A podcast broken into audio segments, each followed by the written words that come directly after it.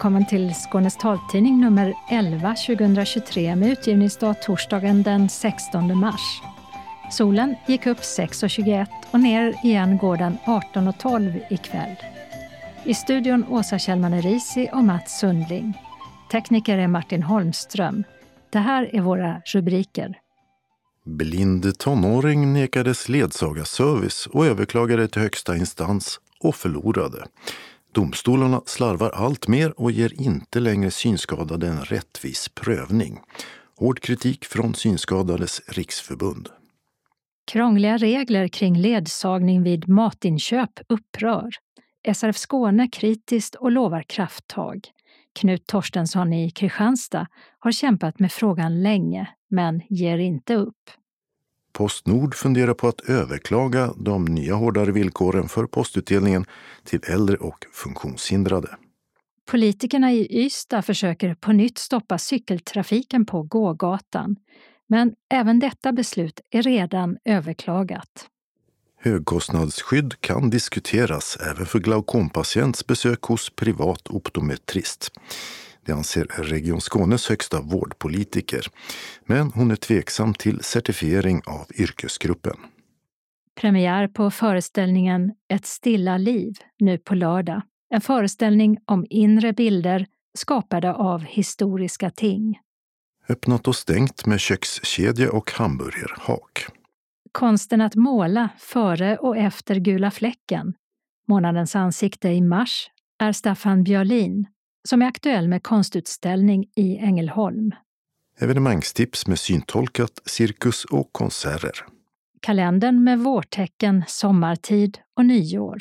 Anslagstavlan med lokala meddelanden och ändringar i kollektivtrafiken. Och den är idag gemensam för hela Skåne. Och allra sist redaktionsrutan. Domstolarna slarvar allt mer i prövningen av ledsagarservice och i andra fall de gör inte längre individuella bedömningar som de ska, menar Synskadades riksförbund. Antalet personer som får LSS-ledsagning har på ett decennium minskat med två tredjedelar, från 2 500 år 2010 till 855 personer 2021. En som ansökt och fått nej är den 18-årige Gnevko Pav som är blind och har en hörselnedsättning. Han fick nej på sin ansökan av kommunen, avslag i förvaltningsrätten och vägrades prövningstillstånd först i kammarrätten och nu också Högsta förvaltningsdomstolen. Det fallet fick han hjälp med att driva av SRFs förbundsjurist Anna Kvarnström. Och hon är kritisk både mot den här domen, där hon menar att Gnevko inte fått en rättvis prövning, och hur domstolar skött sig även i andra fall. Ja, jag tycker att domstolarna missköter sig faktiskt och att de eh, slarvar med domskälen. Och det är ganska allvarligt, för det nästan väsentligaste med personkretsbedömningar enligt LSS som det här har rört sig om är att det ska utgå från en individuell bedömning i enskilt fall.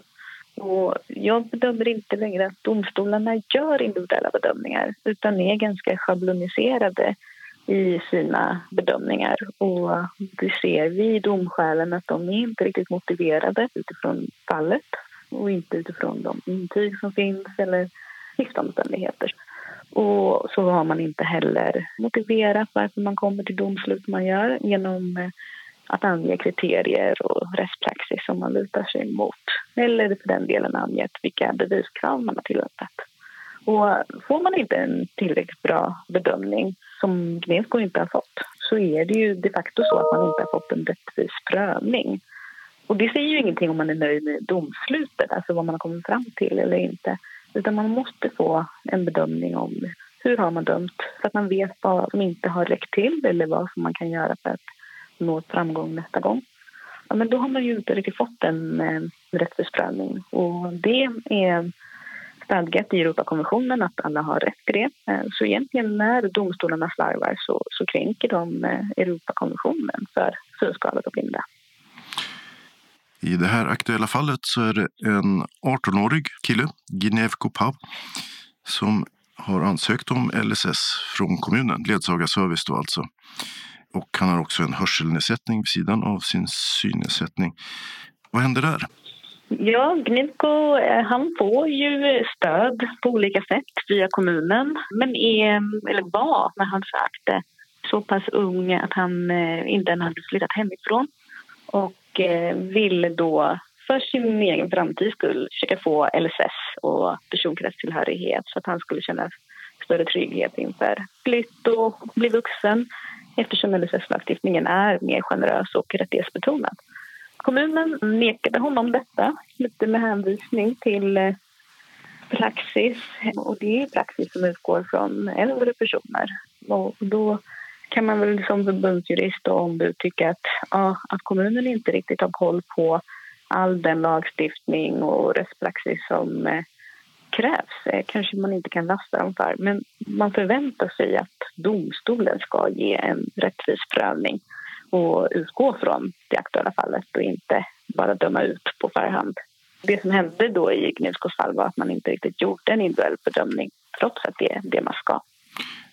Och det gjorde inte förvaltningsrätten och sen beviljade kammarrätten inte prövning och så har ni överklagat eller sökt prövningstillstånd hos den högsta förvaltningsdomstolen. Och nu har ni fått besked därifrån också. Precis, då nekar de också prövning till stånd. Och det känns ju som ett slag i ansiktet, får man ju konstatera. Nu är det ju väldigt ovanligt att Högsta förvaltningsdomstolen beviljar prövning till stånd. Men eh, jag, jag, tycker ju att om det är något av de LSS-ärenden som, jag, som man borde ha beviljat det så är det Gnipkos fall. För det var så flagranta eh, processuella brister i det målet. Eh, till exempel då att man inte har beaktat barnkonventionen som nu är svensk lag överhuvudtaget och för att man eh, faktiskt hade suttit på ärendet i 16 månader i förvaltningsrätten utan att eh, handlägga målet i allt väsentligt. Ehm, så det fanns stora brister där förutom att man är förstås missnöjd med att de inte har haft en individuell prövning av hans ärende. Och det här har jag förstått har du tyckt dig se i fler ärenden också. Är det en förändring du har sett över tid? Ja, men det är det absolut. Ehm, jag skulle nog inte vara lika kritisk mot domstolarna om jag kände att det här var ett olycksfall i arbetet. Utan ehm, jag tycker att vi under åren här har märkt av att domstolarna slarvar i allt högre utsträckning och inte gör en individuell bedömning utan utgår då från rättspraxis eh, på ett lite för vidlyftigt sätt. Och Alknivko är påtagligt att man brister i detta men, men vi har sett de tendenserna tidigare. Liksom tendenserna att man eh, inte längre riktigt ställer rimliga beviskrav på den enskilde. Och det är ju någonting som vi ser inte bara i LSS-ärenden utan även i många andra ärendetyper eh, där man slarvar med vad som är bevisbördan och hur mycket krav man kan lägga på den enskilde. Eh, så. Mm att bevisa att man har de svårigheter man har då, till exempel. Istället för att ta det för givet att om man inte ser så, så klarar man inte vissa saker. Är det så? Nej. Och sen så, så vill jag säga att i Gminkos fall så fanns det bra intyg. Så det, det, det, var inte problemet i det här fallet utan tvärtom så tycker jag ju att man bara viftade undan de intyg som fanns utan att göra en individuell bedömning som sagt eh, men, men själva slarvet som är problemet det, det liksom börjar bli för många bitar som lite grann är riggade mot de synskadade här i, i domstol. Och eh, det, det, är ju någonting som känns väldigt eh, problematiskt att man inte riktigt ja, utför det man ska som domstol i, i de här ärendena. Vad skulle du vilja se hända nu? Alltså när det gäller ledsagarservice och eh, ledsagning i SOL så finns det en utredning på Socialstyrelsen som eh, ska eh, leverera en rapport som handlar om eh, varför det ser ut som det gör och eh, problem och vad man kan göra åt detta. Så i den bästa av världar så skulle det komma någonting matigt där som vi kan se bli till lagändring så småningom. Ehm, det, det kanske hoppas för mycket men jag tror att det, vi är många nu som känner att läget är så akut och diskrepansen så pass eh, bred mellan liksom lagstiftningens ambitioner, FN-konventionen om rättigheter för funktionsnedsättning och hur det ser ut i enskilt fall. Eh, för många synskadade får ju inte förutsättningar att leva som andra. Ehm, så att någonting måste göras ehm, och förhoppningsvis kommer det vara vägen framåt. Men om det här fortsätter då får vi ju fundera på att angripa problemet utifrån att man inte får en individuell bedömning och då handlar det om att kanske vänta sig till Europadomstolen så småningom och påtala det att rätten till rättvis prövning inte fungerar i Sverige i de här fallen. Det sa Anna Kvarnström, förbundsjurist på Synskadades riksförbund. Reporter var Mats Sundling. I februari steg priserna på livsmedel med rekordhöga 2,5 procent enligt oberoende Matpriskollen. Och redan dyr mat blev ännu dyrare. Och det innebär i sin tur att matinköpen kanske blir extra viktiga att hålla koll på. Och att det finns pengar att spara genom att exempelvis handla i olika butiker och noga kolla extra priser. Men för den som inte ser kan ju det vara knepigt. Och alla matbutiker kan inte garantera att personalen kan vara behjälplig. Som vi berättade om i förra numret. Och många synskadade som har tillgång till kostnadsfri kommunal ledsagning vill gärna använda en del av den till att veckohandla. Men de flesta skånska kommuner hänvisar istället till hemtjänsten när det gäller matinköp. Något som Henrik Eld, ombudsman på SRF Skåne, är kritisk till. Det är ju inte ovanligt att man inte får använda ledsagningstimmar till att eh, gå och handla dagligvaror. Och, eh, utan då ska det vara via en hemtjänstinsats. Och eh, många kommuner tar ut en, en taxa både för ledsagningstimmarna och för hemtjänsten. Men bor man i en kommun som har kostnadsfria ledsagningstimmar då får man ju betala hemtjänsttaxa när man går och handlar mat. Det är ju det som krånglar till det något eh, ofantligt. Och det som är, är riktigt uh, dumt i de här sammanhangen när man måste betala en uh, taxa är ju att uh, matkassen blir ju mycket dyrare än för andra. Bor man då i en kommun som har krångliga regler för det här så får vi ju höra eh, talas om det och att man gärna ser att vi jobbar för eh, en förändring där det blir enklare och bättre. Har ni gjort någonting mm. för det?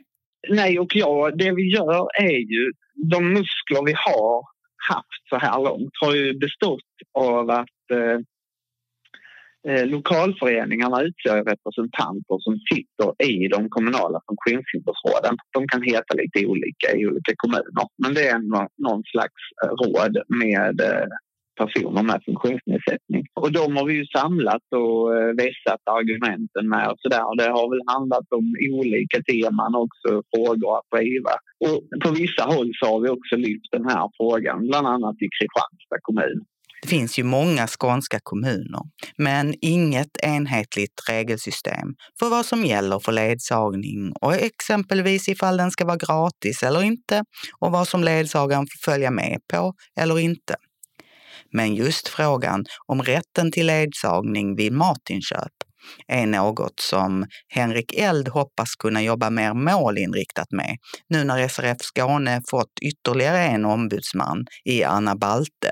Och Johanna Virén har börjat som ombudsman i SRF Malmö Svedala. Jag var ensam och hade 33 kommuner. Då kunde man liksom inte ta ett eh, större grepp om detta. Men nu tänker vi att vi ska kunna göra det. Att vi, vi kommer att jobba med, med ledsagningsfrågan eh, framöver under den här mandatperioden så hoppas vi att vi har fått till stånd bättre villkor eh, i många av Skånes kommuner. Har du hört något skäl till varför det är så att man på så många ställen inte får använda ledsagningen till att handla mat utan måste i så fall använda sig av hemtjänsten? Jag tror, om jag bara ska gissa, så tror jag att det är för att man har inarbetade rutiner inom hemtjänsten för att göra eh, dagligvaruinköp. Och då tycker man att eh, de här rutinerna applicerar vi även på synskadade som behöver, har behov av ledsagning. För att den insatsen finns ju redan eh, för de som har behov av hemtjänst. Så kan hemtjänsten handla till brukaren så kallat så jag tror att det är därifrån det kommer helt enkelt. Hur gör du själv när du handlar egentligen? Eh, jag eh, lever ju i en familj som är bilburna och sköter den biten helt och hållet. De vill inte ha mig inblandad i det ens. jag slipper det helt och hållet. Alltså min sambo hon, hon beställer allting på nätet. Så är det färdigpackat på ICA Maxi kassar. Så man bara kör in på parkeringen och så skickar man ett sms nu är jag här eller hur man gör i appen eller vad det är.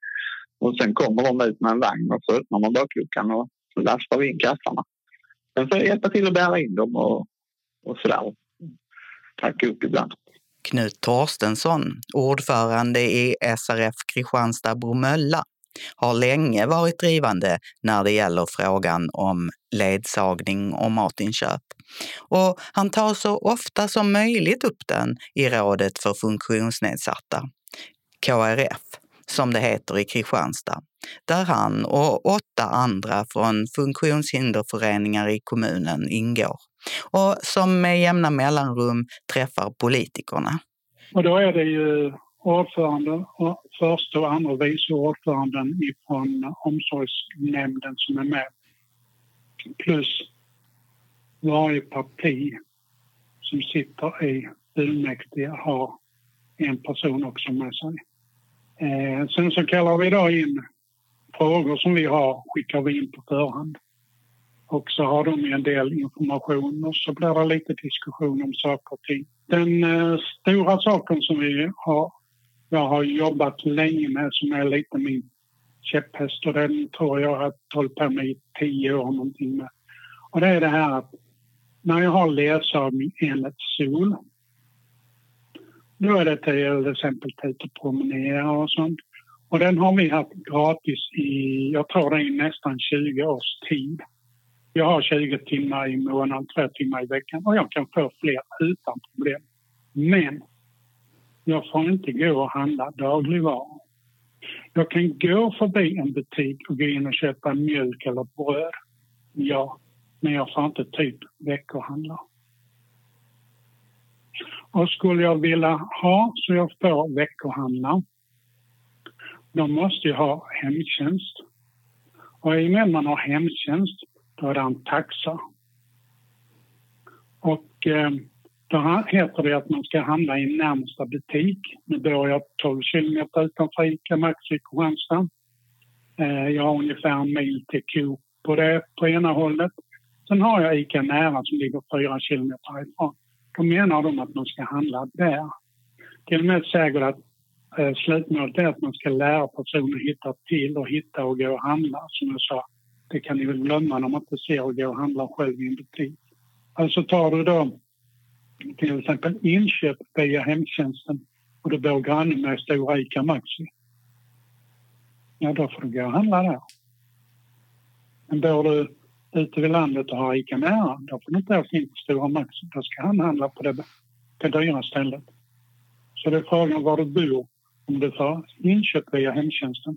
Det är ju inte heller rätt. Du menar att det blir dyrare eftersom det är dyrare priser på ICA Nära? Ja, mycket, mycket dyrare. Plus att jag får ju betala per timme och jag har hemtjänsten för att gå med och handla. Den gången jag räknar på det, då tror jag det låg på var det 225 kronor i timmen. Då skulle det kosta 225 kronor extra för dig att gå och handla då? Mm.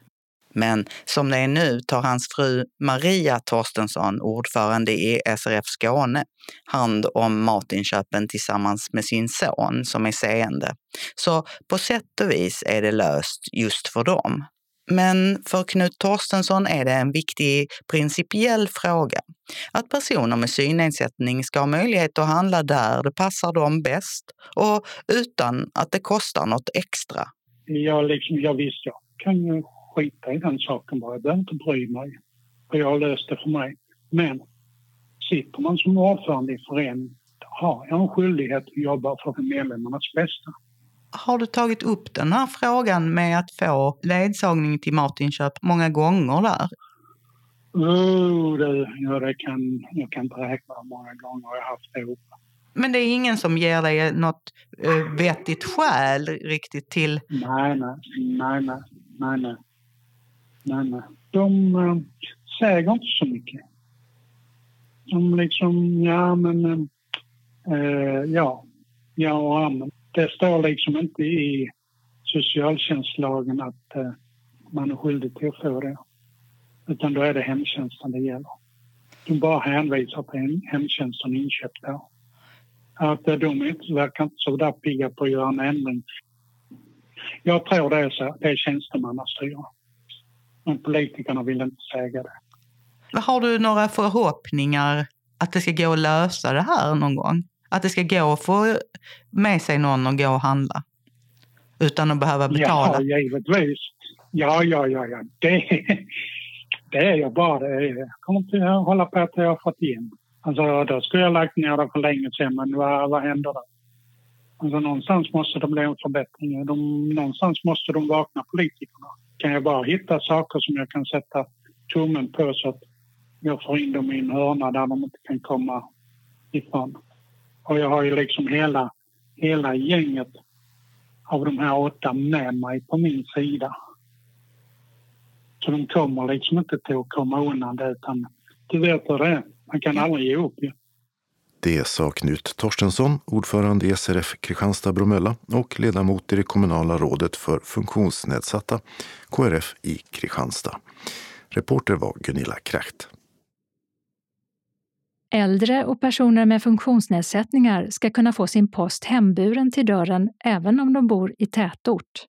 Det är ett krav som PTS, Post och telestyrelsen, ställer på Postnord i de nya tillståndsvillkor som börjar gälla den 1 april och som vi berättade om i förra numret.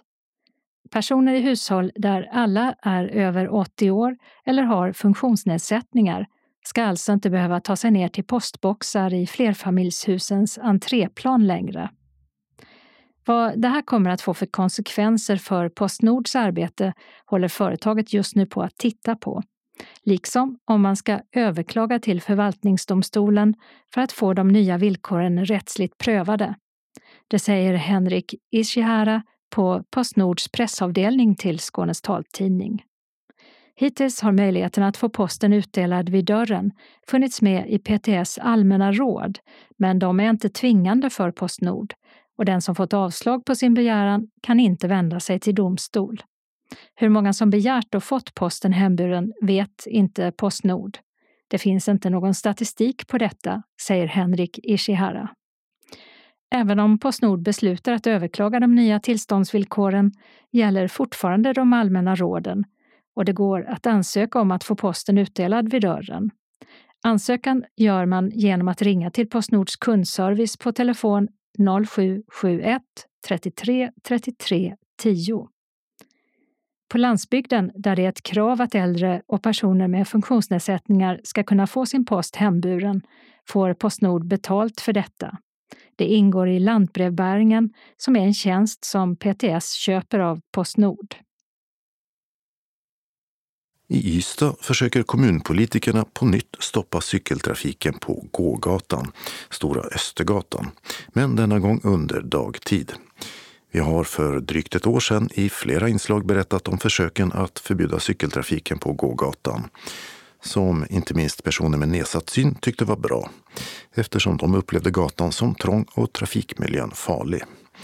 Beslutet om att på nytt förbjuda cykling under vissa tider fattades av myndighetsnämnden och gäller från och med den 21 mars. Vardagar är det cykelförbud mellan klockan 11 till 18 och dag före helgdag mellan klockan 11 till 15. Men redan har även det nya beslutet överklagats. Begäran om att Länsstyrelsen ska inhibera beslutet. Enligt Stefan Engdahl, moderat ordförande för myndighetsnämnden, har man ännu inte hört något från Länsstyrelsen. Och i en kommentar till Skånes taltidning säger han att citat, cykelförbudet är viktigt eftersom alla, både gående och cyklande, trängs ihop på mittenstråket som är mycket smalt. Vid sidostråken är gatubeläggningen ojämnare och det finns olika hinder som gatupratare med mera. Det sker nästan dagligen sammanstötningar mellan cyklister och gående. Slut citat. Hur ska vården för glaukompatienter i Skåne bli säker och effektiv? Det var ämnet för ett panelsamtal förra veckan där ögonspecialister, representanter för Glaukomförbundet och Region Skånes högsta ansvariga vårdpolitiker diskuterade de nya riktlinjerna för glaukomsjukvården. Riktlinjer som bland annat skärpt kraven för att få remiss till specialistvården. Glaukomförbundet vill ha en kvalitetssäkring av de optiker och optometrister som ska kunna remittera till ögonspecialisterna. Förbundet vill också att dessa undersökningar ska ingå i högkostnadsskyddet. Anna Manfalk, moderat ordförande i Region Skånes hälso och sjukvårdsnämnd, är den politiker som var med i samtalet. Om vi går in på det här med optiker och optometrister så är det ju redan idag så att de har en legitimation och att de omfattas av hälso och sjukvårdslagen. Och vi har ju många legitimationsyrken inom Region Skåne. Och eh, det som man vill säkerställa är ju att privat vård och offentlig vård hanterar glaukompatienterna eh, enligt hälso och sjukvårdslagen och gör rätt medicinska bedömningar. Men jag tror inte kanske att en certifiering av ett enskilt legitimationsyrke inte säkert att det är rätt väg att gå. Men eh, det är ju naturligtvis jätteviktigt att alla som utövar hälso och sjukvård gör korrekta medicinska bedömningar och kan ställas till ansvars om man inte gör så.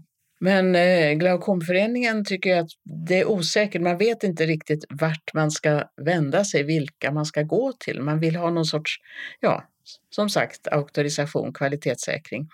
Det får vi titta på lite grann och panelen eh, på mötet i förra veckan var väldigt eh, överens om att optiker har en väldigt god utbildning. Optimistrister har väldigt god utbildning. Många av dem jobbar på sjukhusen och eh, i den offentliga vården.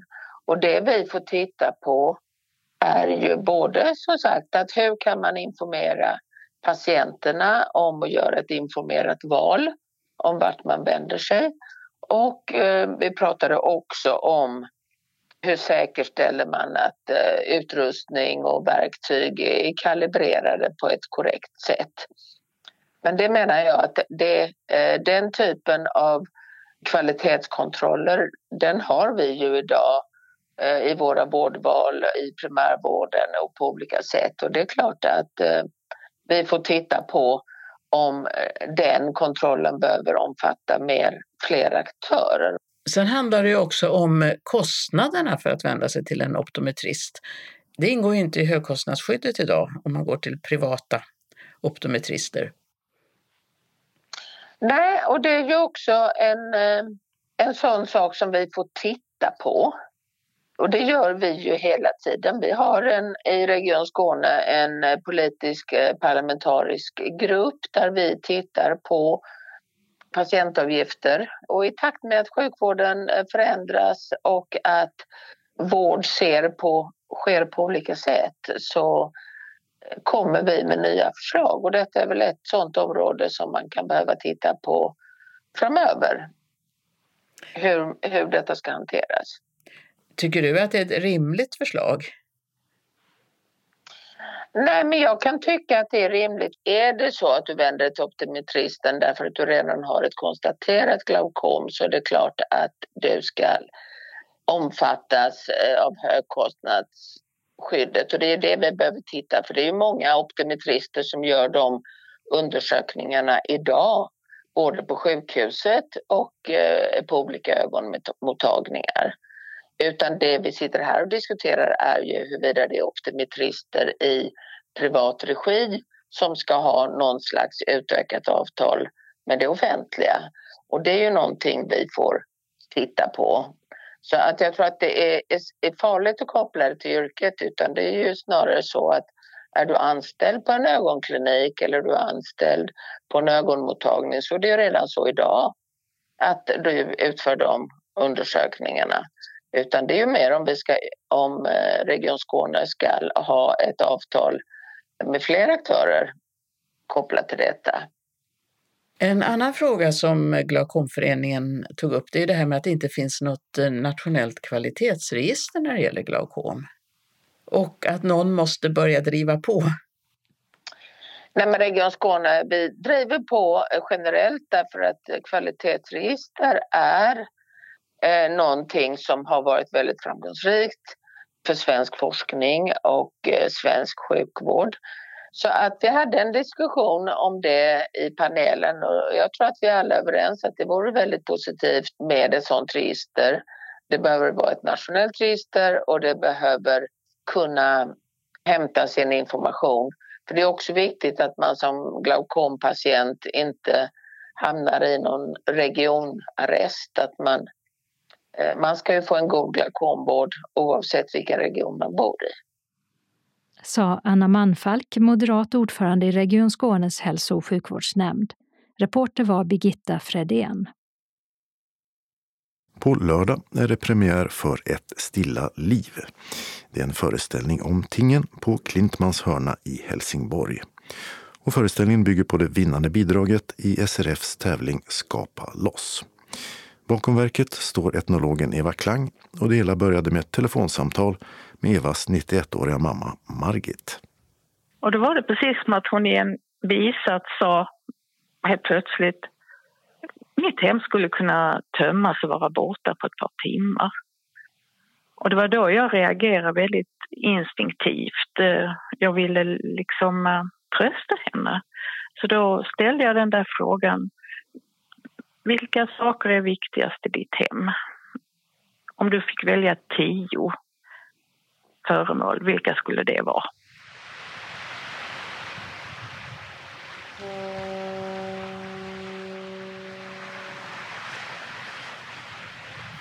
Mistluren tutar över Öresund och precis där börjar Eva Klangs föreställning Ett stilla liv.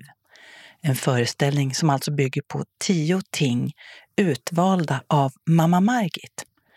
Tio ting som spänner i en båge över tiden.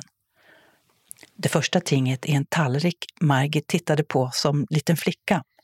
Hon valde också doften av cigarrök som sinnebilden av mamman som tände en cigarr när hon nöjt städat färdigt. Och så den hemliga lappen hennes man skrev när första barnet precis hade fötts. Lappen ligger i en liten ask. När min far gick hem den natten i april 1958 då skrev han en hälsning till henne på en liten bit papper riven ur Helsingborgs Dagblad. Och på den lappen står det finaste som jag någonsin fått höra, sa mor till mig. Och den lappen har, är bara hennes och den ligger i en liten ask. Och det är hennes egen hemlighet. Lappen får vi inte se? Nej, man får se asken, man får ana lappen men man får inte läsa. Eva Klang har 30 år bakom sig som etnolog och blev inspirerad till att delta i kulturprojektet Skissa loss, en tävling för synskadade för att lyfta tingens historia. För Eva var det viktigt att fylla tingen med liv, som de orangea frottéhanddukarna. Äntligen var bron färdig den 9 juni år 2000 och det gavs möjlighet att cykla över bron bara den dagen. Så att min man och jag tog cyklarna i bilen ner till brofästet i Malmö och deltagarna denna dag de fick färgglada handdukar. De har jag sytt två kuddöverdrag av, berättar mor. Och sen säger hon och när jag cyklade genom den mörka tunneln vid Kastrup ja, då letade min man desperat efter en toalett. Ja, det, var, det var då det började. Tre år till skulle vi få tillsammans cancern. Jag miste honom också. Så där slutar berättelserna i, i moll. Eh, och sen fortsätter föreställningen eh, i, i, eh, tillbaka till den där kvällen när jag sitter hos mor och hon berättar om föremålen. Och så slutar egentligen hela föreställningen med att jag ställer frågan till publiken. Vilka ting skulle du välja? Vilka föremål är viktiga för dig? Vad berättar de för dig? Vem finns med i dina tingsberättelser? Du, vad har din egen synskada betytt för det här verket? Ja, den betyder väldigt mycket därför att i synnerhet nu har jag märkt eh, i repetitionssammanhangen det är det att jag, jag kan inte läsa svartskrift. Utan eh, jag har ju då fått memorera manus så nu sitter de i, i, i mig, de här. Jag kan se köket, jag kan se och dofta cigarren. Jag kan... Jag håller ju tingen när jag berättar, så det, det hjälper mig också väldigt mycket för det blir ju taktilt på det sättet att jag, jag känner, känner föremålens kraft. I pjäsen samarbetar Eva Klang med dramaturgen Jörgen Olsson och ljudkonstnären Hanna Hartman. Föreställningen spelas fram till den 10 april och tingen går att se och känna på även när föreställningen inte spelas.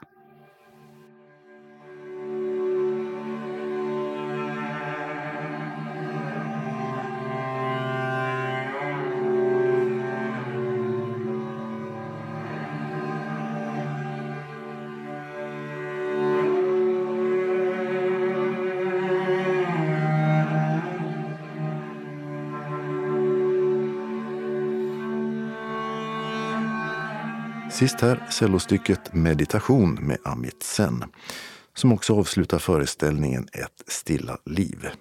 Reporter var Agneta Nordin. Öppnat och stängt. I Löddeköpingen, Lund och Malmö har köksbutikskedjan Kitchen stängt sina butiker på köpcentret Center Syd, Nova och Emporia. Detta är ett led i att kedjan stänger alla sina 24 fysiska butiker runt om i landet under första kvartalet i år. Men man kommer att finnas kvar på nätet. I Lund har lampaffären Lundalampan på Nova Lund stängt efter att bolaget försatts i konkurs. I Lomma har restaurangen The Place längst ut vid hamninloppet stängt vad lokalen ska användas till framöver är inte känt, men den är såld till en ny ägare. I Trelleborg har möbelbutiken Mio öppnat på Maskingatan 17. Öppettiderna är vardagar 10 till 19 och lördagar 10 till 17 samt söndagar 11 till 17.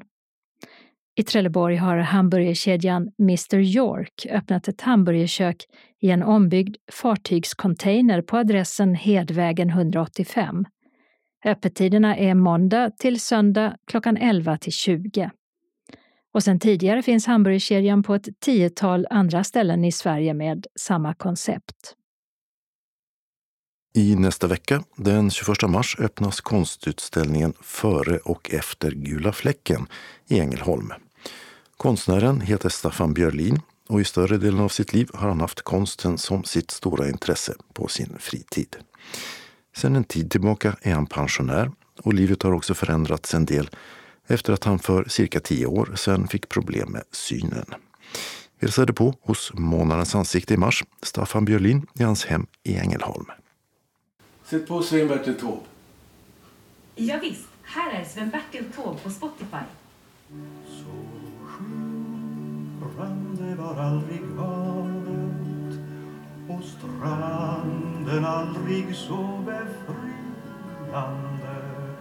Fälten, ängarna och träden aldrig så vackra och blommorna aldrig så ljuvligt doftande Det här är musik som du kanske kommer ha när din utställning visas? Ja, jag tycker det passar bra.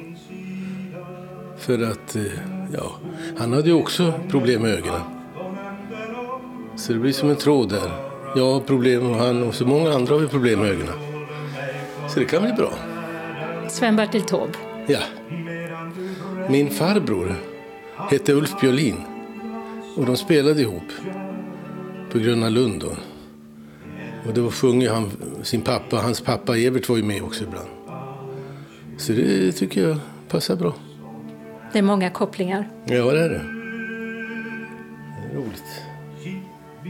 I utkanten av Ängelholm bor Staffan Björlin i ett gulteglat radhus tillsammans med sin fru Lillan och hunden Assi, en labrador som för tillfället är ute på promenad. I det här hemmet så är det mycket konst och musik som gäller.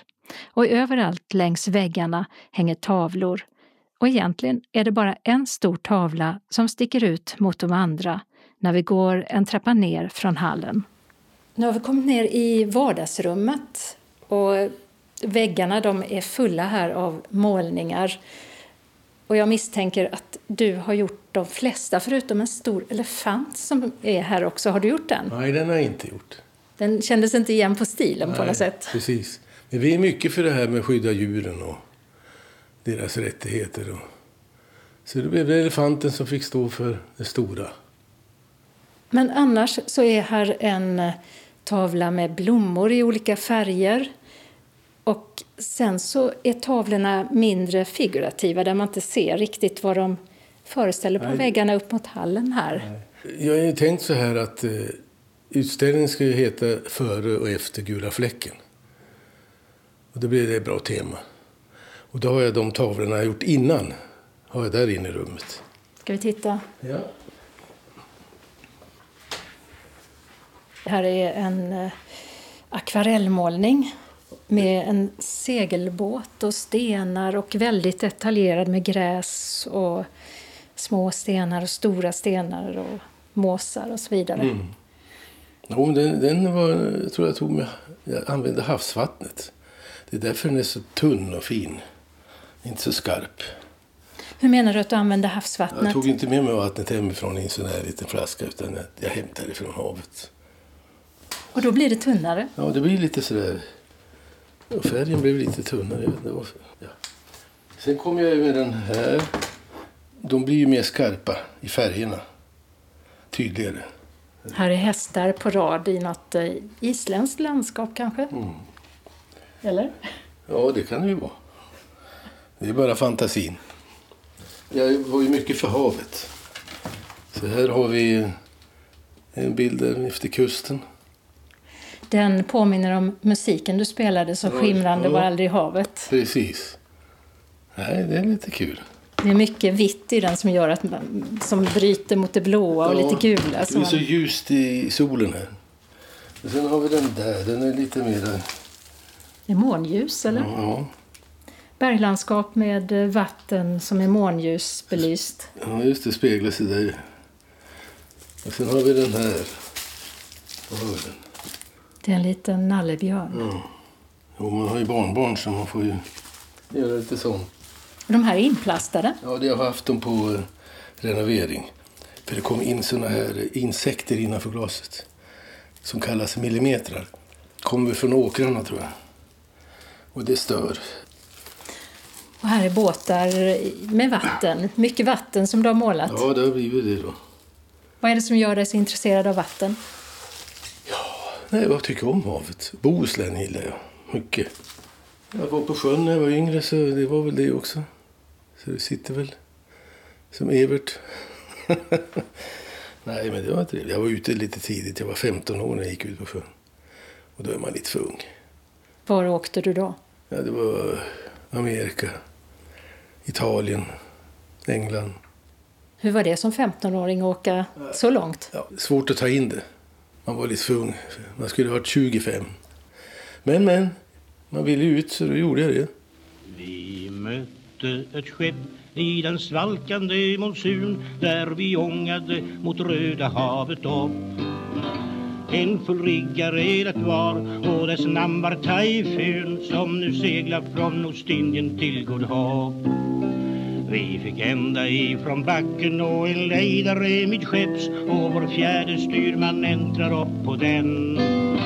Men i röstet står en svensk sjöman som jag nu återser Fritjof Andersson, min gamle barndomsvän jag blev hard upp i Kina, jag blev rånad i Shanghai så- Men det var trevligt att upptäcka när man kom in i New York. Det visste jag inte då.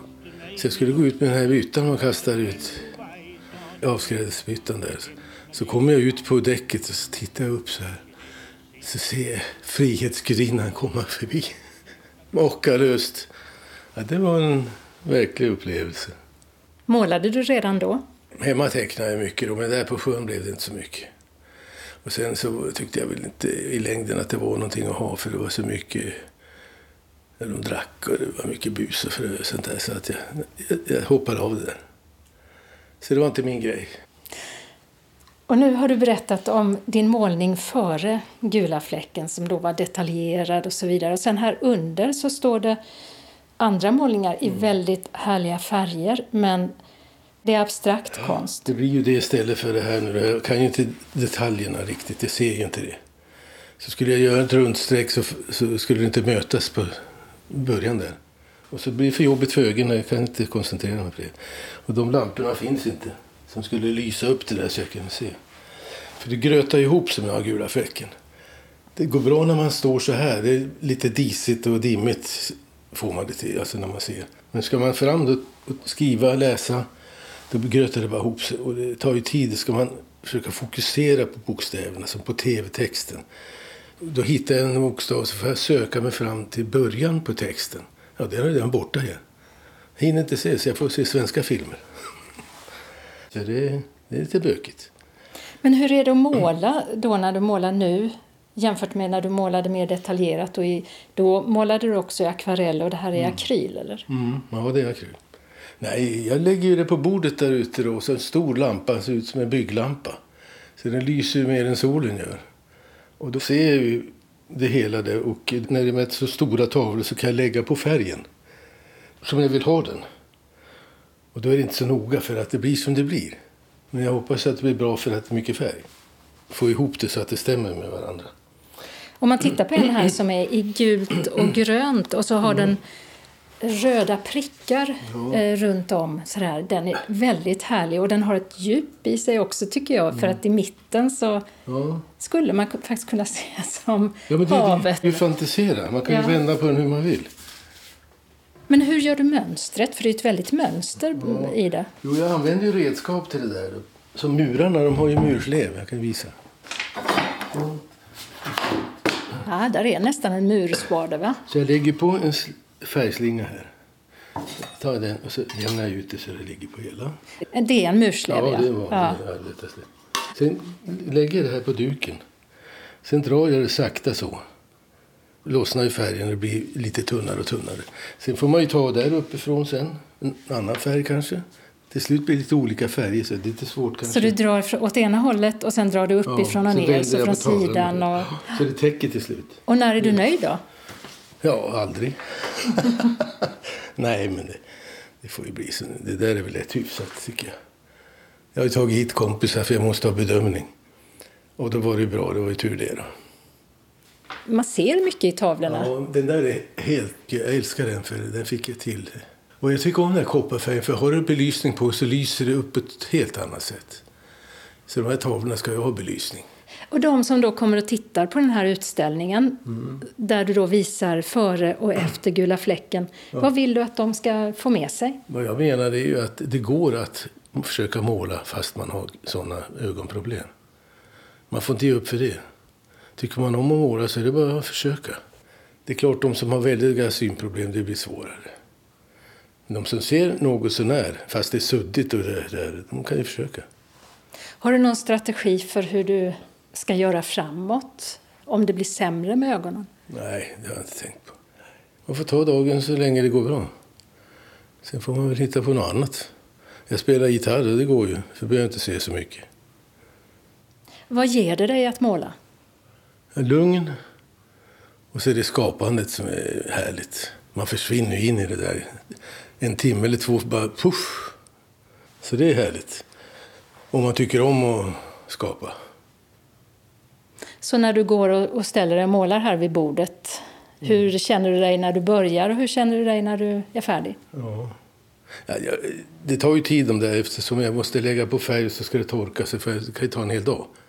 Och eh, ja, när det, man ser hur det växer fram i tavlan där. Då blir det lite roligare när man får fram mer och mer färger så där. Då känns det riktigt kul. Väldigt bra. Målar du självporträtt? Nej, det har jag aldrig gjort. Det gjorde min farfar. Han var konstnär. Han var porträttmålare faktiskt. Men om du skulle måla ett porträtt av dig själv, vad skulle du måla då? Det skulle inte gå. Men jag ser inte på det sättet, spegel eller så. Det blir abstrakt. Men om du tänker efter när du då såg dig skarpt, vad skulle du måla på tavlan? Jag är ju gråhårig. Som alla gubbar, jag på säga. Jag har hyfsat pigga ögon. Ibland är de lite trötta. ja, glasögon. Sen vet jag inte om jag har grovt ansikte på något sätt. Du är ganska lång. Ja, 1,85. Mellanrum mellan tänderna. Ja, du har en liten glugg mellan framtänderna. Ja, just. Läpparna kanske är lite strama kan jag tänka. Lite sådär ibland. En del har fylliga läppar, fylligare. Men inte så stramt. Och så har du ganska markerade ögonbryn. Ja, det har jag nog. det är inte lätt det där. Nej, några porträtt av sig själv det har det inte blivit för Staffan Björlin, för dagen klädd i en batikliknande t-shirt och svarta jeans. Men väl en tavla av en omtyckt ägodel, elgitarren. Sen gjorde jag den där. Det är en annan typ som jag håller på med nu. Det är som en gitarr som Ja, kommer ut ur precis. tavlan. Antingen ligger den ner eller ska den stå upp. Jag vet inte vilket jag ska ha den till. Och där har du också använt mycket, kallar det kopparfärg eller? Ja, ja, lite grann så.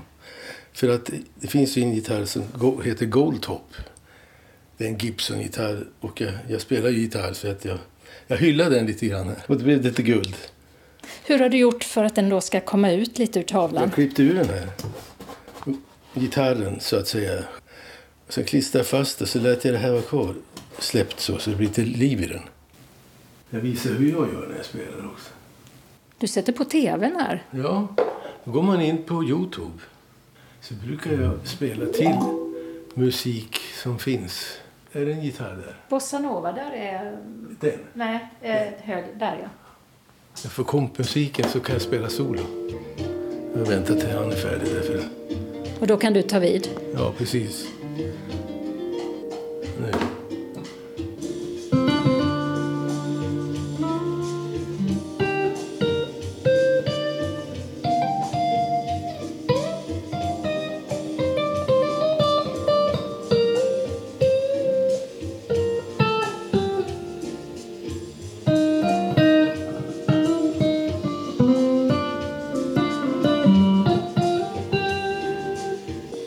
Så improviserar du Ja, till den bakgrundsmusiken där. Och det är när jag är lite trött på det där. Då går jag hit och spelar. En timme försvinner så. Så frågar min fru när hon kommer hem. Vad har du gjort idag? Och då har du målat och spelat ja, gitarr. Det är lite först... ja, man ska försöka förklara det där. Då, att, ja, men jag tycker det går bra. När jag går hemma så här. Så länge det funkar så här. Vad har du gjort eh, när du har arbetat och så innan? Då jobbade jag som badmästare och simmade. Jag tävlingssimmade en gång. Och då blev det lättast att bli badmästare. Jag fick lära ungarna att simma. Simlärare och ja. Man, så att det, kan- man gjorde allt. Simmar du fortfarande? Ja, jag gjorde det för ett tag sedan. Eh, Jag har hållit upp lite grann nu för att jag kände av ryggen. Jag är ute och cyklar mycket. Och det tycker jag är skönt. Och det går trots att eh, du har gula fläcken då? För så här ser jag okej. Är det sånt här ljus är det jättebra. Men det här gråa så är det lite tradigt. Man har ingen skärpa riktigt på Nej, så jag får bara hoppas att det håller sig ett tag. Så det inte blir sämre. Speciellt det här med att se ut och cykla och så. där. Det tycker jag det är en del av livet faktiskt. Att man kan... Och den här utställningen du ska ha, var ska du ha den någonstans? På torget i Ängelholm, eh, lilla rådhuset, där, ett gammalt rådhus från 1800-talet tror jag det är. Och där brukar man få ha utställningar. Vi som är autodidakta. Du är självlärd alltså. Ja. Jag har ju gått kurser i Marstrand och lite överallt. Och när du ska hänga den då, hur kommer du hänga den med tanke på att det är liksom två teman med före och efter Ja, gula precis. När fläcken? jag kommer in så tar jag det där före då, de akvarellerna. Sen tar vi dem som jag gör nu senast och hänger dem längre in. Så får man förklara när folk kommer in. Vad skulle du själv säga är typiskt för dig som eh, konstnär? Jo, det är väl det här havsmotiven, båtar, öar, akvarell. Det är före då. Sen efter blir det de här stora färgsprakande tavlorna, tycker jag i alla fall. Så man där kan se vad man, olika uttryck, om man har fantasi nog då, så kanske man hittar några figurer där i. Sen finns det de som inte fattar någonting tyvärr. Vad är det där för någonting? För de vill ju ha det här direkta. Det ska föreställa någonting. Och när jag kommer ifrån det, och det är rätt skönt. Så det var lite skönt också att Ja. slippa vara så detaljerad. Ja, och så är det så många som håller på med det. Små hus eller eh, ute vid kusten. Eller, ja. Nej, så jag tyckte det här var roligt för det har jag aldrig sett så mycket av. Jag tänkte jag måste prova något annat. Jag tycker ju om det här att måla. När du fick reda på att du hade gula fläcken och tänkte på det du höll på med när det gällde konst, hur tänkte du från början? Ja, det är lite synd, för nu kan man inte fortsätta. Så förträngde jag det bara. Så det tog ett tag innan jag började måla. tog tag i det där. Men jag tycker det här temat är bra, att det är före och efter gula fläcken så har det någon betydelse också tycker jag. Visa att de synskadade att det går om man vill och kan gå ifrån den konsten man gjorde innan till något abstrakt eller någonting man tycker kul. Och hur känns det att hitta liksom ett det, annat sätt? Det är perfekt. Nu är det ju det, så länge det är så här. Att det går bra. När jag får ha en bygglampa så det lyser ordentligt. Det är nästan så jag får solglasögon på mig så ljust. så att jag står ju inte där länge, tio minuter, sen måste jag vila ögonen. För det tar liksom, man blir trött i ögonen av det här också, man ska anstränga sig. Men, men, det blir väl bra.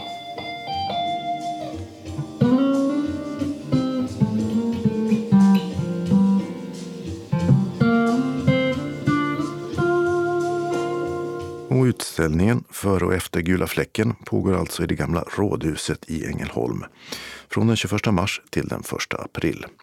Öppettiderna är vardagar 12 till 17 och lördagar 11 till 14. Åsa Kjellman Nerisi hade träffat Staffan Björlin. Evenemangstipsen börjar med syntolkad tv.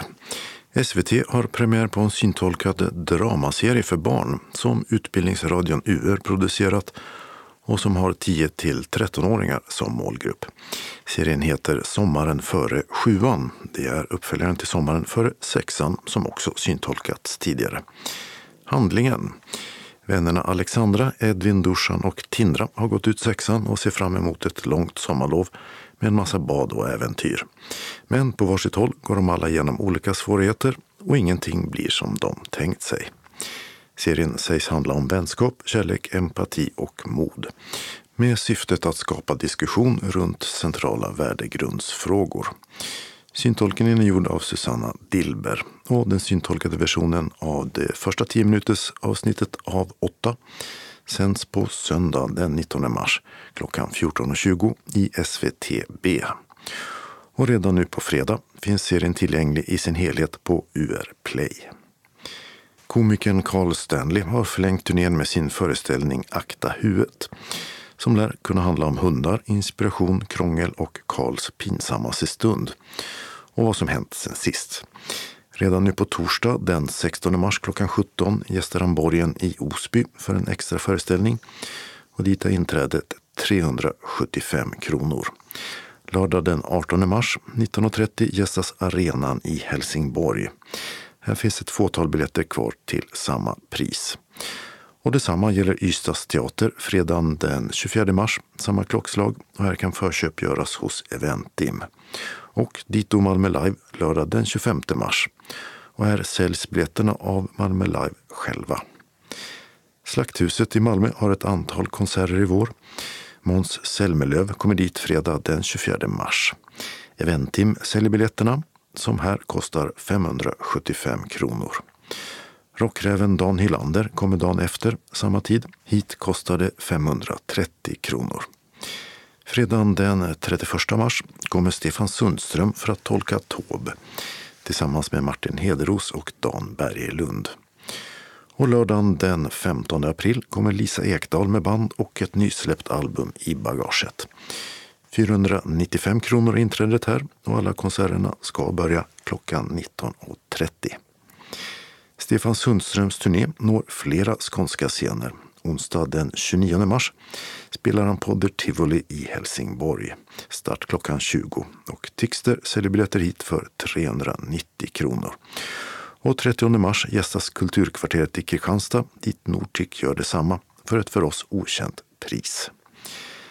Malmö stadsteater bjuder på cirkustema för hela familjen under några lördagar i vår. Den första har redan varit, men lördagarna den 25 mars och 10 juni Klockan 11 till 15 är det diskodans, kostymprovning, sagostund, sminkning, rundvandring och skattjakt. Detta är en del av vårens invigningsprogram av HIP och det är fri entré och ingen föranmälan behövs. Adressen är Kalendergatan 12. Längre fram i vår, den 21 maj, är det allsång med Rickard Söderberg och Stihags kyrkokör i Medborgarhuset i Eslöv. Och sånger man kan öva på inför allsången är bland andra Änglamark, Musik ska byggas utav glädje, Swinget Magistern och Toreadoren ur Carmen till exempel. Bokning sker via Medborgarhusets hemsida och biljetterna kostar 150 kronor och släpps den 28 april. Den amerikanska rockartisten John Fogerty kommer till Sverige i sommar och tisdag den 6 juni spelar han på Malmö Arena. Många låtar från tiden som frontman i bandet Creedence Clearwater Revival lär det bli. Som till exempel Proud Mary och Bad Moon Rising. Biljetter för ett ännu oklart pris börjar säljas av Live Nation nu på fredag den 17 mars. Biljettinformation. Live Nation har bara en hemsida, livenation.se. Nortic nås på telefon 0455 61 97 00. Tixter 0771 47 70 70. Eventim 0771 65 10 00. Slakthuset i Malmö 040 611 80 90. Malmö Live 040 34 35 00. Och Borgen i Osby 0479 125 25. Kalendern för vecka 12 börjar med måndag den 20 mars då det är vårdagjämning och våren officiellt är här. Vad vädret än må ge för intryck. Närmare bestämt sker det klockan 22.42 då solen står exakt lodrätt över jordens ekvator. Och solen går upp rakt i öster och ner rakt i väster. Och dag och natt är lika långa över hela jorden fast vid olika klockslag. Och det betyder i sin tur nyårsafton enligt uråldrig sed i många kulturer. På persiska kallas det för navrus. Och på festbordet ska man då ha sju saker som börjar på S samt en guldfisk. Och enligt de gamla kalendrarna går vi in i år 1402. För på dagen 20 år sedan började amerikanska missiler slå ner i Irak och det var början på USAs krig för att avsätta landets ledare Saddam Hussein. Dagen efter började landinvasionen och ett par veckor senare hade de nått Bagdad och regimen föll. Men det var som bekant bara början på en än våldsammare situation. Namnsdag har Joakim och Kim. Tisdag den 21 mars firar vi Bengt. Och onsdag den 22 mars kommer riksdagen att fatta ett historiskt beslut. Att godkänna att Sverige går med i försvarsalliansen Nato och överge den alliansfrihet som gällt i över 200 år. I maj förra året ansökte som bekant Sveriges och Finlands regeringar om medlemskap och Finlands regering har redan godkänt ansökan. Och som bekant har Turkiet ställt en rad krav på Sverige för att säga sitt ja till ansökan. I riksdagen är en stor majoritet nu för NATO-medlemskap medan Vänsterpartiet och Miljöpartiet är för en fortsatt alliansfrihet. Den muslimska fastemånaden Ramadan börjar. Ingen mat och dryck för de vuxna medan solen skiner alltså. Namnsdag Kenneth och Kent och så spelas säsongens sista omgång i damhandbollens elitserie den brittiska kompositören Andrew Lloyd Webber som står bakom en rad stora musikalsuccéer, däribland Jesus Christ Superstar, Evita Katz och Fantomen på Operan, fyller 75 år.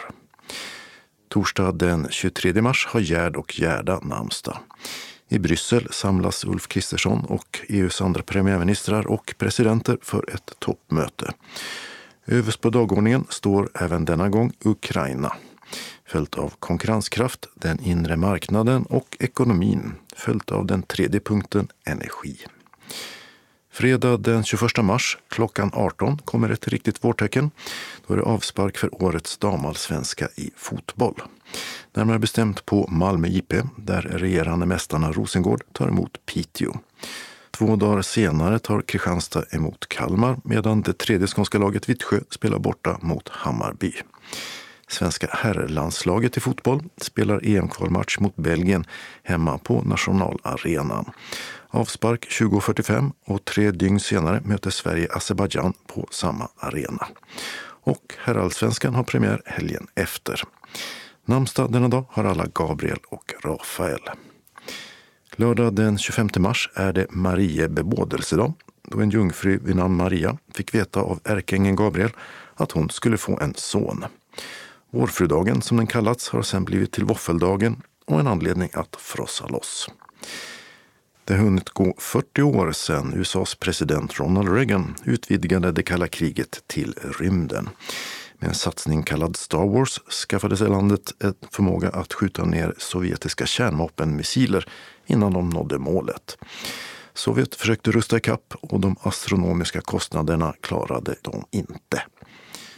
Och de ekonomiska problemen som följde bidrog till Sovjets kollaps. Klockan 20.30 inträffar Earth Hour då mänskligheten sedan 2007 uppmanas släcka ljuset en timma för klimatets skull. Flera hundra svenska kommuner och företag brukar göra det och strömförbrukningen sjunker då märkbart. Söndag den 26 mars börjar sommaren, eller åtminstone sommartiden. Som alla minns betyder det att man klockan två på morgonen ska ställa fram klockan en timma och kvällarna blir ljusare längre. Den förlorade timman får vi igen i oktober då den så kallade normaltiden är tillbaka.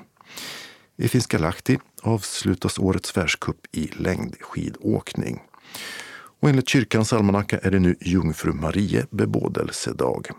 Detta för att dagen på 50-talet blev av med sin helgstatus och placerades på söndagen som infaller mellan den 22 och 28 mars. Och med andra ord är det en våffeldag till för den som vill. Kuba har parlamentsval och vilka som vinner är redan avgjort. Det är förstås kommunistpartiet eftersom alla andra partier är förbjudna. Och hela 75 år fyller den amerikanska sångaren och hårdrocksmusikern Steven Tyler.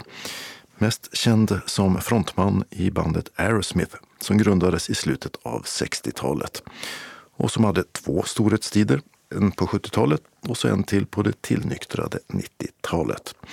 Några av de större hittarna är Love in an Elevator, Dream On eller Walk This Way som den här låten från 1975 heter.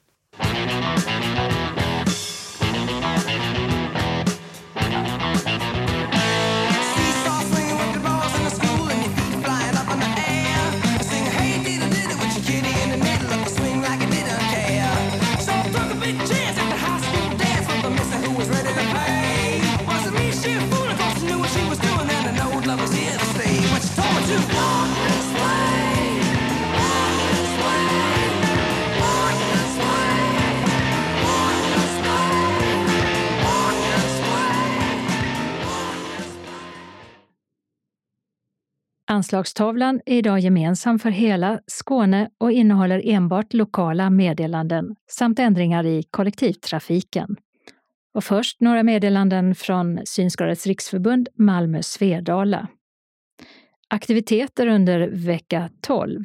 Välkommen till SRF Malmö Svedalas dagverksamhet. Vi serverar kaffe, smörgås eller kaka till en kostnad av 10 kronor. Man anmäler sig till kansliet på telefon 040-25 05 40 om man tänker komma på någon av dagaktiviteterna. Senast klockan 10 samma dag som aktiviteten. Måndagen den 20 mars klockan 13 till 15. Vi träffas och umgås med lite fika och diskuterar aktuella nyheter samt läser lite ur tidskrifter. Ibland hinner vi även med frågesport. Tisdagen den 21 mars klockan 13 till 15.15. 15, bingo. SRF Malmö Svedala bjuder också in till söndagsquiz söndagen den 26 mars klockan 13. Då är det dags för lite hjärngympa. Det blir en quiz i form av tipsfrågor och som vanligt kommer vi att använda tryckbubblor och kryssrutor för att ange svaren.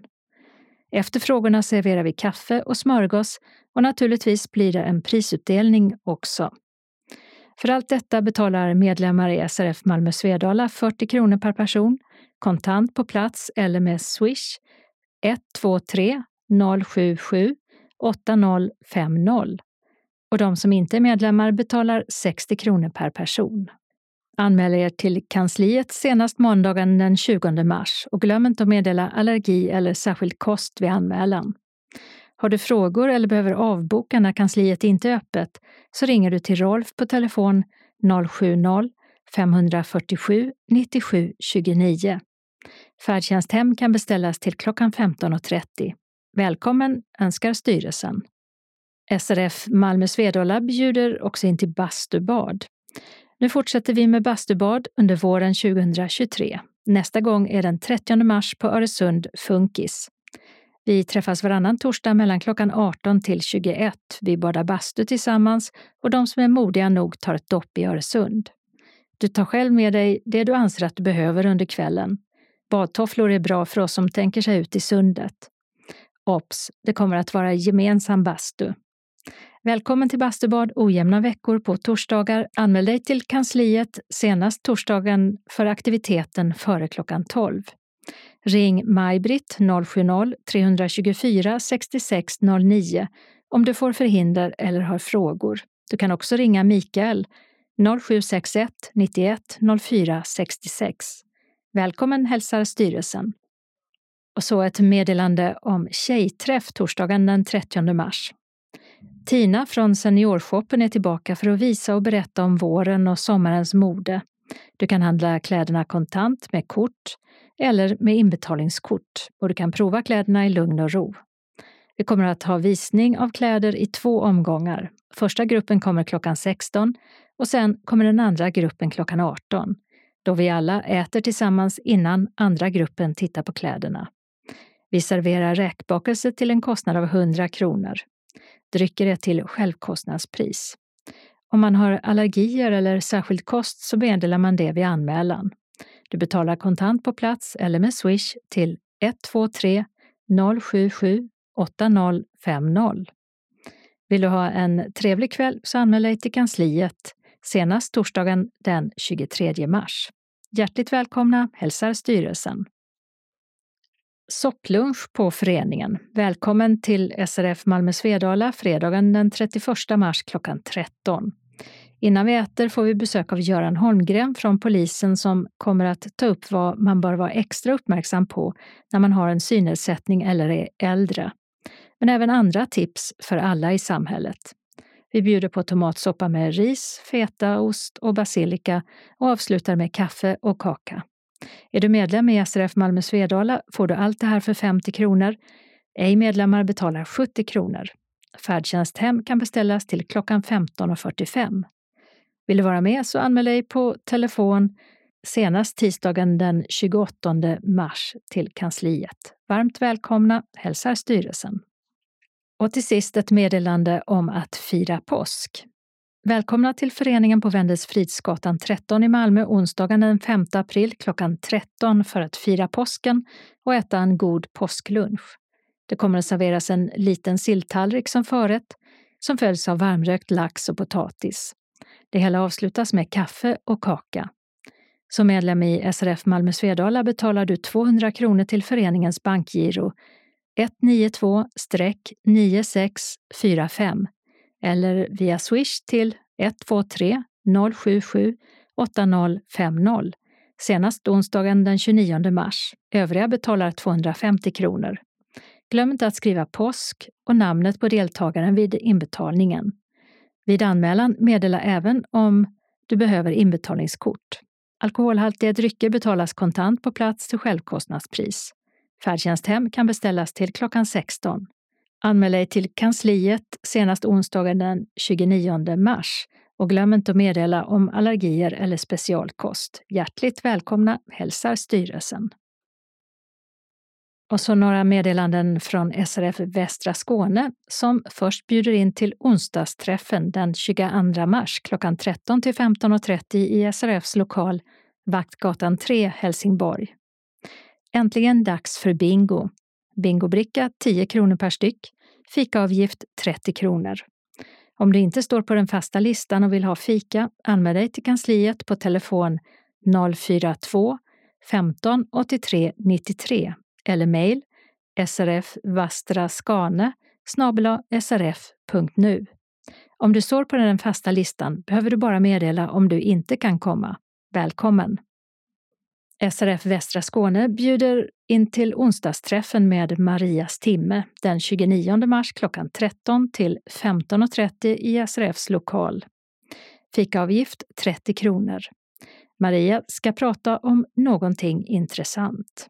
Vill du komma måste du anmäla dig senast tisdagen den 28 mars klockan 12 till kansliet. Och så har vi några tillfälliga ändringar av busstrafiken och vi börjar med Helsingborg där man på grund av ett dräneringsarbete på Furutorpsgatan ändrar för linje 3, 7 och 84 och det här är redan igång och pågår fram till den 31 mars. Två hållplatser flyttas tillfälligt och det är hållplats Traktörsgatan läge A som stängs. Resenärerna hänvisas till en tillfällig hållplats cirka 50 meter bakåt motsatt bussens färdriktning på Furutorpsgatan. Och även hållplats Traktörsgatan läge B stängs.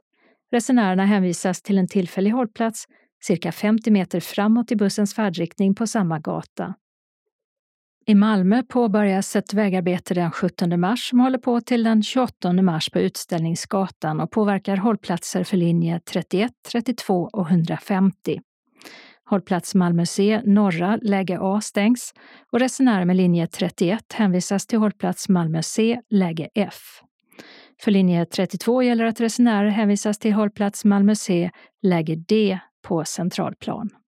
Även hållplats Malmö C norra, läge B stängs och resenärer med linje 31 hänvisas till hållplats Malmö C, läge C. Medan linje 32s resenärer hänvisas till hållplats Malmö C, läge A.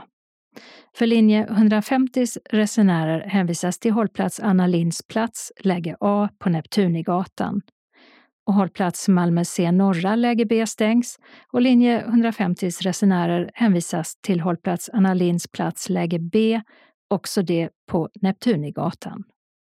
I Lund fortsätter vägarbetena på Västra Mårtensgatan och bussknutpunkten Botulfsplatsen. Och det berör flera linjer, busslinje 2, 3, 4, 5, 6 och 7, fram till den 3 april. Resenärer hänvisas till tillfälliga hållplatser på Botulfsgatan, Stortorget och Vårfrugatan. För mer information kan man höra av sig till Skånetrafikens kundtjänst på telefon 0771 77 77 77. I Ängelholm påverkar en ombyggnad av hållplats Magnarps skola resenärerna på linje 2 i en första etapp fram till den 2 maj. Hållplats Magnarps skola läge A stängs och resenärerna hänvisas till en tillfällig hållplats läge X 120 meter framåt i bussens färdriktning. Även läge B stängs och då får bussresenärerna gå till den tillfälliga hållplatsen läge Y 70 meter bakåt motsatt bussens färdriktning. Och i Ängelholm påverkar också ett omfattande vägarbete på Ärarpsvägen resenärerna på busslinje 503 fram till den 8 december. Ängelholm Tulpanvägen läge A stängs. Hänvisning till hållplats Persikovägen läge A. Hållplats Tulpanvägen läge B stängs. Hänvisning till Persikovägen läge B. Hållplats Ängelholm Svealandsgatan läge A stängs. Hänvisning till en tillfällig hållplats läge Y cirka en kilometer söderut på Margaretetorpsvägen. Hållplats Ängelholm Svealandsgatan läge B stängs. Hänvisning till en tillfällig hållplats läge X cirka en kilometer söderut på Margaretetorpsvägen. Hållplats Ängelholm Blekingegatan läge A stängs. Hänvisning till en tillfällig hållplats läge Y på Margaretetorpsvägen. Hållplats Ängelholm Blekingegatan läge B stängs. Hänvisning till tillfällig hållplats läge X cirka 370 meter i sydöstlig riktning på Margaretetorpsvägen.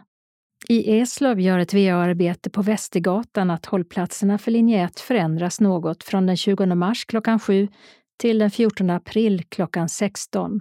Hållplats Palmgatan läge A stängs. Resenärerna hänvisas till hållplats Karlsrobadet läge A, cirka 400 meter framåt i bussens färdriktning på Västergatan.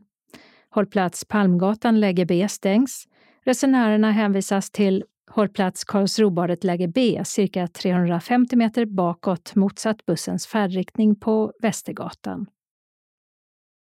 Och det här var allt för Skånes taltidning för den här gången. Nästa gång vi kommer ut, då är det torsdagen den 23 mars.